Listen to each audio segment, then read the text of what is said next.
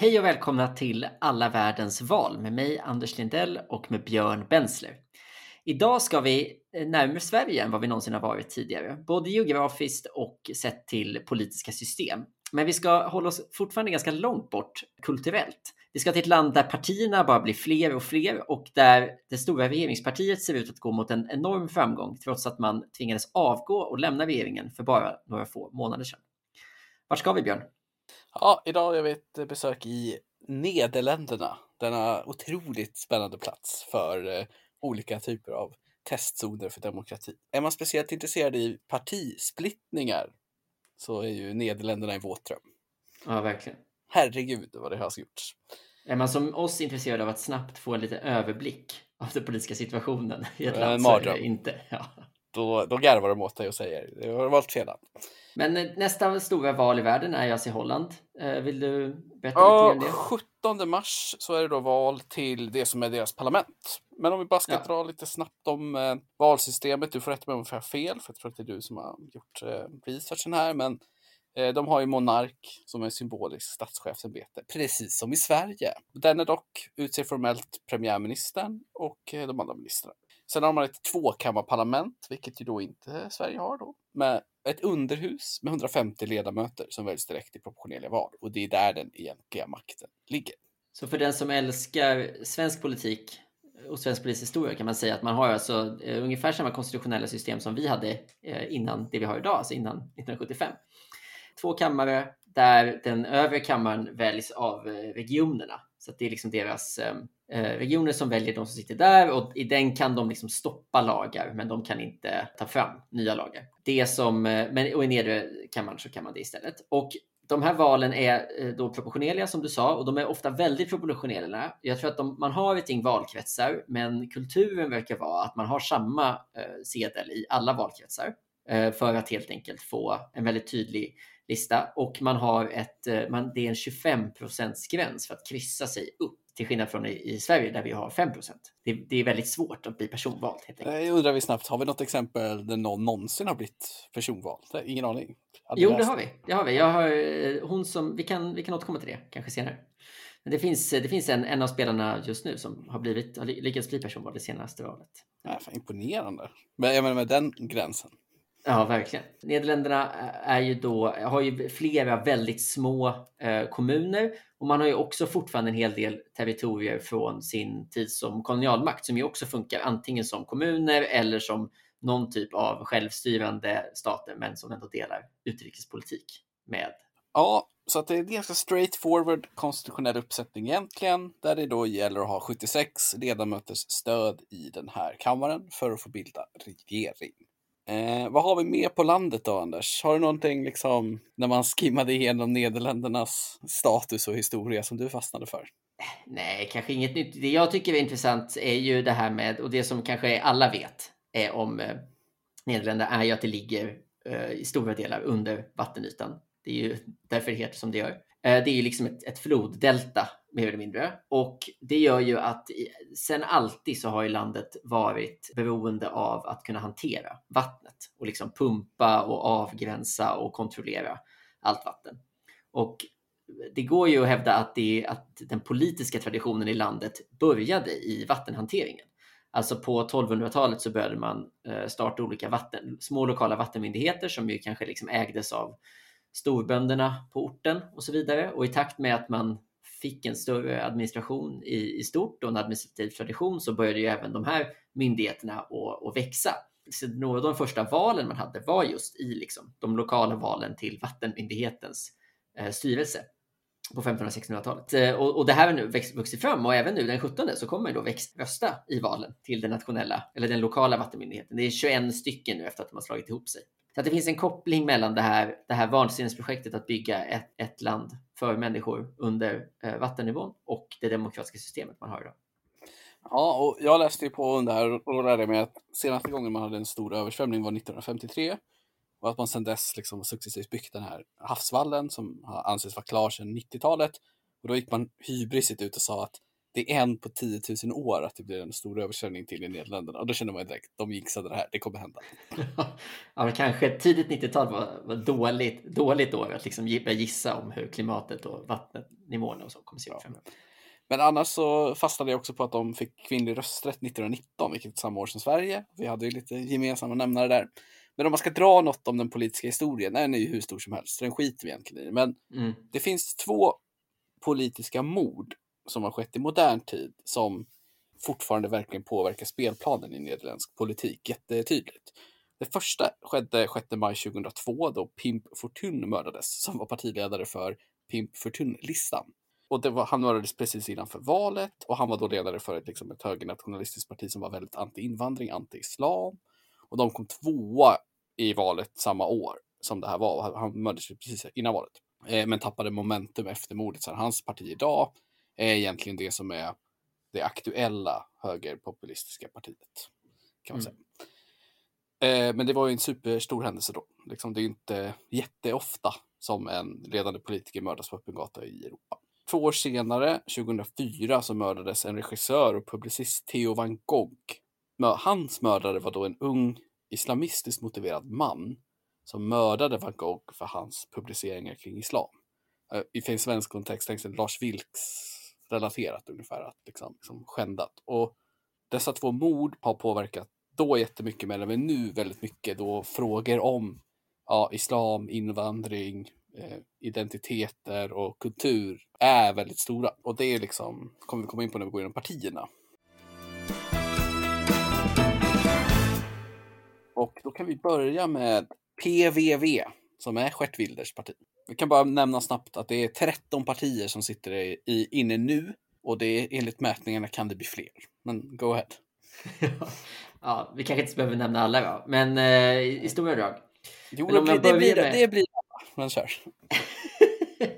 eh, vi börjar med eh, Gert Wilders då och jag måste säga att när man, när man började läsa på inför den här så eh, var det lite som att det var så här, ja just det, Gert Wilders finns fortfarande. Det var ju en person som det har pratats extremt mycket om och som ju verkligen varit en, en tongivande spelare i liksom den högerpopulistiska vågen i Europa.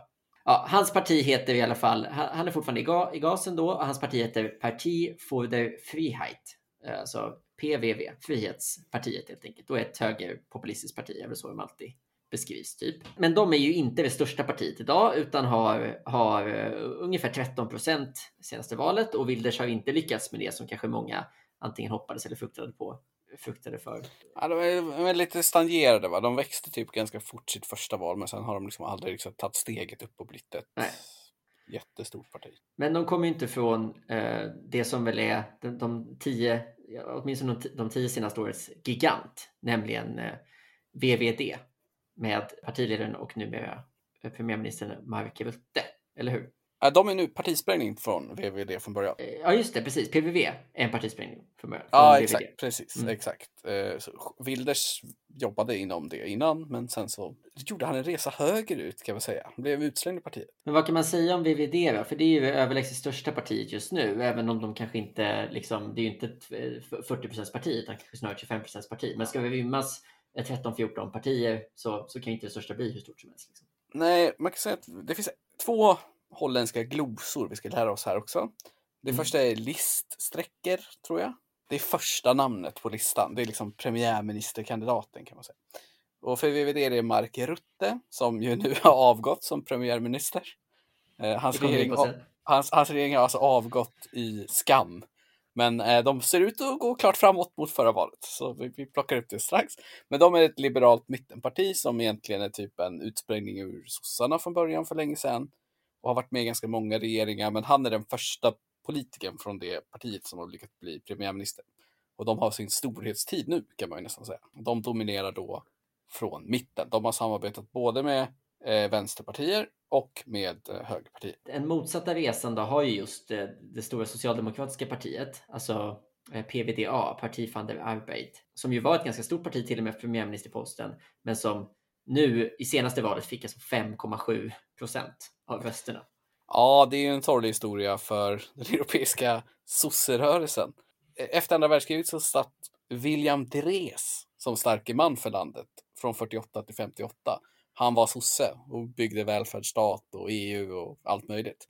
Och nu är hans parti då eh, nere på ungefär 6 förra valet. Men de ser ut att göra en comeback i år och kan gå upp på en 8% Ja, och det är ju deras eh, partiledare eh, Lilian Plomen som, eh, som kom in i parlamentet i senaste valet. Från en tionde plats och tog hon ändå ett av deras nio mandat genom att just få ett så stort stöd. Och det är ju intressant i sin tur eftersom hon är ju inte en, en veteran i partiet utan har eh, tillhört andra partier. Kan man ha veteraner i partiet när man är nere och är eh, S, höll jag på att säga. Men jag, jag, läste i någon artikel att de har nästan 50% aktiva väljare som är pensionärer idag. Det, det, det är inte lysande. Men då har vi dragit VVD som är störst. Vi har plockat upp PVV som är högerpopulisterna under Wilders. Och sen har vi tagit PVDA som är gamla sossarna. Nu finns det ett vänsterparti också som heter SP som var tredje störst sist.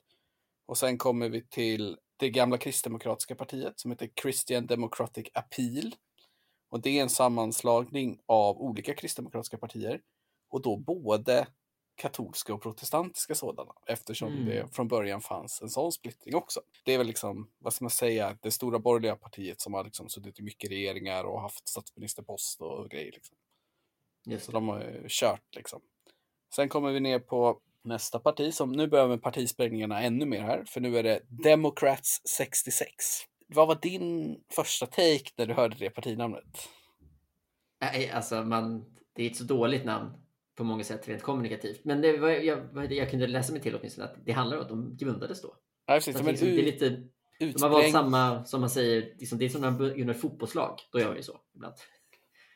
Jag hoppades att det var en felskrivning från början, att det skulle vara Democrats 666, att det var ett liksom satanistiskt parti. Det var det inte, utan det är bara en utbrytning från 1966. Och det, då känner man lite så här, ja, det är länge sedan. Deras liststicker heter i alla fall Sigrid Kag, läste jag. Tror att hon är ganska ny på sin mm. post.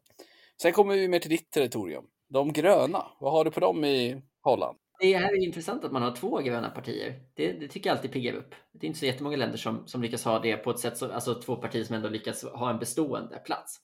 Man har ju dels det, det stora gröna partiet som ju eh, heter Grön Links, alltså vänstergröna. Liksom. Så det är ju det är ett parti med en tydlig vänsterinriktning och som idag har, eller som senast fick eh, 9% i valet. Alltså, det är fan ganska, ganska bra för att vara ett grönt parti i Europa. Absolut, och eh, också med stort, eh, också stort internationellt. Jag vet att deras, ehm, deras toppkandidat i senaste EU-valet var en av alla de europeiska grönas också toppkandidater. Man valde för hela den partigruppen att ha som två språk gemensamt för hela den europeiska kampanjen och han var en av dem. Så det är ett parti som är, ja, har ett gott renommé bland de övriga gröna partierna i Europa. Sen har man ett eh, litet eh, djurrättsparti också som är eh, betydligt mindre men, och som bara har, fick 3,2 procent sist. Men eftersom Holland inte har en, en procentspärr i parlamentet så kom de ju in ändå och liksom sitter i parlamentet och, och driver då kanske mer, liksom, kanske inte på samma sätt ett, ett, ett brett liksom, mitt-vänsterparti som, utan mer kanske fokuserar på djurrättsfrågorna. Ja, de hade 3 procent men ändå fem platser, eh, vilket ju då är, jag menar fem platser är ganska mycket. Eh, de är ett så kallat begynnelseparti. Det är den andra holländska glosan. Och det betyder då, för det finns tre sådana och det är de och det är eh, alt-right-högern som är Reform Political Party och ett Christian Union. Och, eh, en bieffekt av att man har så här många partier eh, är ju då att det blir mycket kohandel och att liksom du kan ha mycket idéer säkert i holländsk politik och vad du vill göra, men sen måste alla förhandla. Om, om, om det största partiet liksom får 25 procent, då är det ju väldigt mycket du måste kompromissa med. Och då har det kommit fram mm. sådana här begynnelsepartier istället, som är liksom idépartier. De kommer inte kompromissa för att nå makt. De är väldigt tydliga med det. Liksom, vi kommer bara vara med i en regering om vi får igenom hela vår agenda. Mm. Det är lite coolt. Men det känns som eh, det känns som eh, ologiskt att det skulle uppstå just i ett sånt här system där det ändå ganska lätt, borde vara ganska lätt att just kohandla och få, få igenom någonting. Liksom. Ja, men det finns väl lite för att eh, Wilmers har ju liksom valt att det finns någon slags elit i parlamentet som liksom alltid kommer överens och gör backroom deals så att den riktiga demokratins genomslag finns inte och det är riggat, lite den grejen tror jag att det är som ett spår av att att det liksom upplevs som att de stora partierna alltid kan förhandla fram en lösning. Men jag vet inte, det är jävligt intressant. Och sen finns det ett till pensionärsparti förutom sossarna och det är partiet 50 plus. Som är ett uttalat pensionärsparti. Just det, och så finns det ytterligare något, ett, de som heter DENK som är ett utbytt parti av, av två personer ur liksom den turkiska minoriteten som vad jag förstår också, också tänker sig att de ska driva frågor som är viktiga Ja, för dem. de är ett minoritetsparti beskrivs de som. Att de är liksom, ja, typ invandrarrättigheter, right? Ja, de är för alla minoriteter. Ja, ah, okej, det- fattar. det- det Och sen har de ytterligare något slags eh, nationalkonservativt, det här... ehm, Ja, Forum för demokrati med Thierry Baudet som liststrejker. Och de ska vi komma in på när vi glider över till opinionen. För de, de har gjort grejer under mandatperioden. Eh, mm, De, de har haft dålig timing med sitt röststöd. Kan man säga. Just det, men de är det minsta partiet idag. Vi har gått igenom dem ungefär i, i storleksordning här kan vi säga. Eh, men eh, en hel del undantag. Men, men det, det, de här vi nämnde på slutet är alla ganska små spelare. Ja, då kan man ju säga att det näst största partiet sist fick alltså 13 procent. Det, är ju fan inte mycket. Verkligen inte. Eh, vilka är det som sitter i regeringen? Det är VVD och det är Christian Democratic Appeal och det är Democrat 66. De bildar regering ihop. Precis, så att nu har man en mitten-höger. En mitten-höger. höger, ja. Precis. Och man har tidigare under VVD-styre haft en mitten-vänster, eller hur? Ja, precis. Så att han har, Mark Rutte då har ju, han har regerat både till höger och till vänster. Ja, och han har varit, han har varit premiärminister i tio år. Han Ja, lyckats ja. liksom hoppa runt här. Stefan Löfven har dröm lever han ju liksom. Eh, ja, har vi något mer vi vill säga på partierna? Alltså PVV sticker ut liksom. Det är ju en snudd på vansinnig politisk rörelse kan man ju tycka. Det, det är alltså ett parti som, det är det mest långlivade högernationalistiska projektet i, i Nederländerna. Och det är delvis för att man har sopat interndemokratin helt. Partiet har Jaha. en medlem. och det är Wilders. Ja. Så de får inte så här partistöd som andra partier och så, utan han, han är själv. Det är givetvis att han är maktgalen, men om vi bortser från det så är det också för att traditionellt så har de högerextrema rörelserna imploderat av intern konflikt. Mm. Eh, han har ju lyckats hålla internkonflikten borta då genom att ratta allt själv. Det känns som att han har gått för långt i vissa val. Jag läste att typ eh, var det 2013 han tyckte att Holland skulle lämna EU. Liksom. Då gjorde han dåligt val. Tonade ner det lite till 2017 och snackade om islam och då var han upp igen. Liksom. Eh, senaste grejen på Wilders är att han är stämd av Erdogan för att ha snackat för mycket skit om Turkiet. Och eh, de, han gjorde ett jättedåligt, eh, de gjorde ett jättedåligt EU-val, men det för- förstår inte jag. Var det att de inte ställde upp Ja, överhuvudtaget? eller? oklart alltså. Jag fastslog som att de knappt ställde upp. Mm. Därför att, och där gick ju då, apropå det du sa, så gick ju då istället det här nya eh, högerpartiet, Forum för demokrati, att de, de gick, gick ju istället starkt i det valet. Ja, precis. For, eh, vad fan hette de? Nu tappade vi bort dem. Forum för demokrati. Vad ska vi dra dem då lite? Ska vi glida över på opinionen? För att Aha opinionen är lite intressant för att det ser ut som att det blir ungefär samma valresultat som sist. Men det har hänt så jäkla mycket grejer under världen. Kan ju bara dra som forum för demokrati lite snabbt. För att jätteintressant utveckling. De fick ungefär 2% i valet 17. Sen bara fick man lite momentum rejält och i kommunvalet som är liksom i mitten, det är som en midterm, så fick man 14,5 procent av rösterna. Och i mätningarna under våren och sommaren 2019 så låg man uppe på 17 procent och såg ut att kunna ta fler platser än VVD som var låga då. Man var liksom på väg att bli huvudutmanad och från att liksom vara en icke-faktor bara två år innan. Eh, men eh, den vinden har vält rejält och nu är man nere på att man projektionen säger fyra platser, inte de 28 man liksom pekade mot 2019. De leds då av en snubbe som heter Thierry Baudet som holländska politiska journalister beskriver som någon slags eh, Trump-inspirerad eh, person med, som står redigt ute till höger. Och är liksom också har den här konstiga som väldigt många så här partier i Europa har en konstig Rysslandskopplingen av de här. För det finns ju en superaktuell Ryssland Nederländerna, relationen är ju väldigt svag eftersom, ja det är ju fastslaget då att ryska styrkor sköt ner Malaysian Airlines 17 över Ukraina där för några år sedan. Där 193 holländska medborgare dog. Det har ju då den här Thierry Baudet varit ute och sagt att han tycker att det är tveksamt om det var så det gick till. Ah, ja. Eh, och sen har han också kritiserat regeringen för att inte ta corona seriöst. Och sen att de har tagit det för seriöst. Mm. och så vidare. Men då slets ju partiet sönder internt istället. Det var folk som avgick, folk som kom tillbaka. Jag tror till och med att han har lämnat partiet under den här perioden och är tillbaka igen. Och grejer. Men det är ett riktigt, riktigt högerparti. Vad har vi mer i opinionen? Jo, eh, ja, men ska vi dra det här med VVD då? Att de har haft en tydlig coronaeffekt. De ser ut att gå upp flera procentenheter. Vilket kanske är lite konstigt då regeringen tekniskt sett har avgått i en skandal. Ja. Kan du förklara mer om det? Jo, men under, under januari så uppdagades det att eh, massvis av eh, barnfamiljer i Nederländerna som var berättigade till, till någon typ av försörjningsstöd eller behovsprövat barnbidrag. De fick, eh, blev anklagade för att ha eh, fuskat kring detta och tvingades betala tillbaka det. Bara för att det sen uppdagades att det här var en, en administrativ eller teknisk miss. Det var inte alls så att, att jättemånga barnfamiljer hade fuskat. Det hade blivit något fel. Så att jättemånga betalade tillbaka bidrag som de hade rätt till. Och det var då inte liksom vilket bidrag som helst, utan det handlade just om, om stöd till hyfsat utsatta barnfamiljer. Så det här är ju verkligen en, ja, det är något man verkligen inte vill ska hända helt enkelt om man vill eh, upprätthålla en välfärdsstat. Och det gjorde att eh, eh, regeringen helt enkelt tyckte att det här var så, så allvarligt att man valde att ta hela ansvaret politiskt och avgå.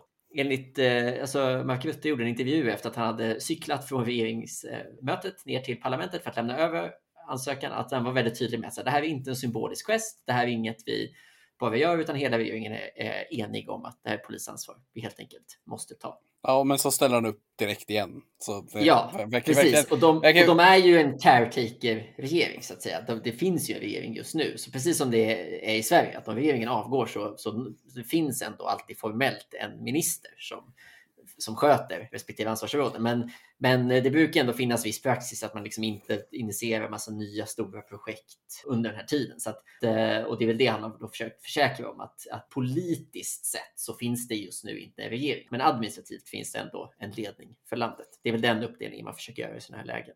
Man, det, det väcker ju många frågor här. Till exempel, hur hanterar man coronasituationerna nu då? Och, eh, säg att det skulle bli ett emergency EU-möte om någonting. Är det liksom, åker de på det som en riktig regering då? Eller så här, bara... Ja, men det gör de ändå. De har ändå all makt. Utan det är ju mer en, det är en fråga om eh, hederlighet. Det är alltså, in, det är alltså en symbolhandling. Att de har, eftersom samma personuppsättning Typ, fast ja. det är några som har fått lämna på grund av det här längre ner i de social, socialdemokratiska partierna tror jag.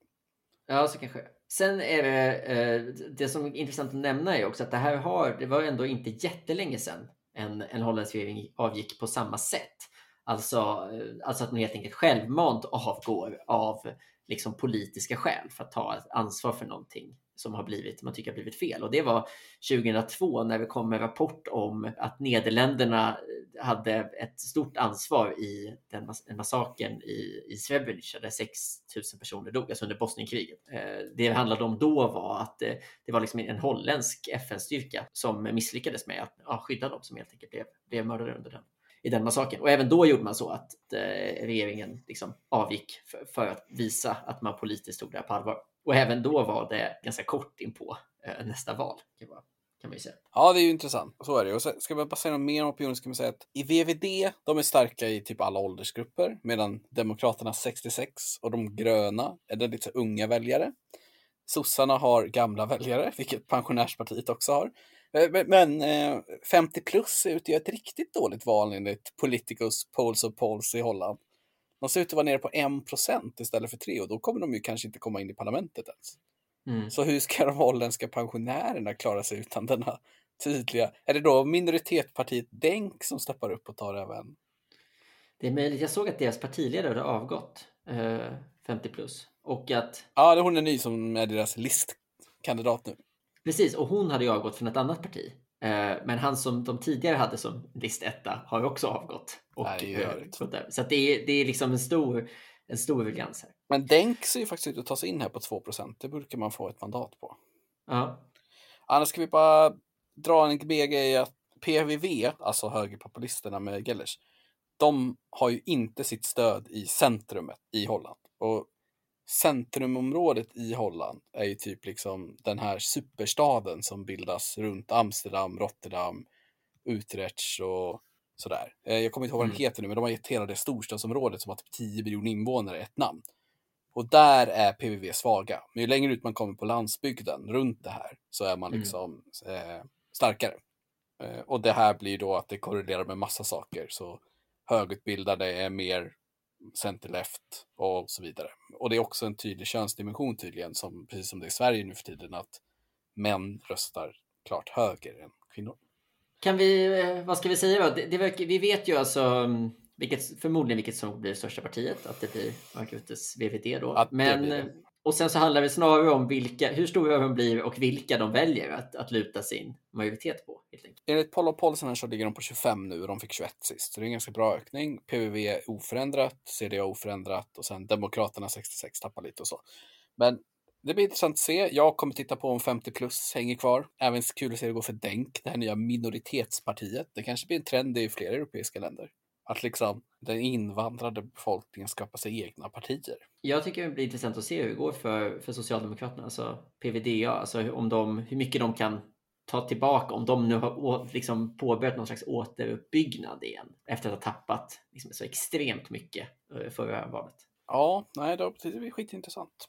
Ja, så det har vi det. 17 mars, eller hur Anders? Ja, 17 mars är de här valen, om en vecka. Ja, Och det går säkert fort att räkna, så vi har säkert resultaten den 18. Eh, vart ska vi i nästa avsnitt i den här podden då? Ja, nästa avsnitt ska vi till eh, Kongo. Den demokratiska republiken Kongo, alltså formerly known as Kongo Brazzaville. Ja, det är ju riktigt kul. Då hörs vi då. Hej då! Det gör vi. Ha det bra!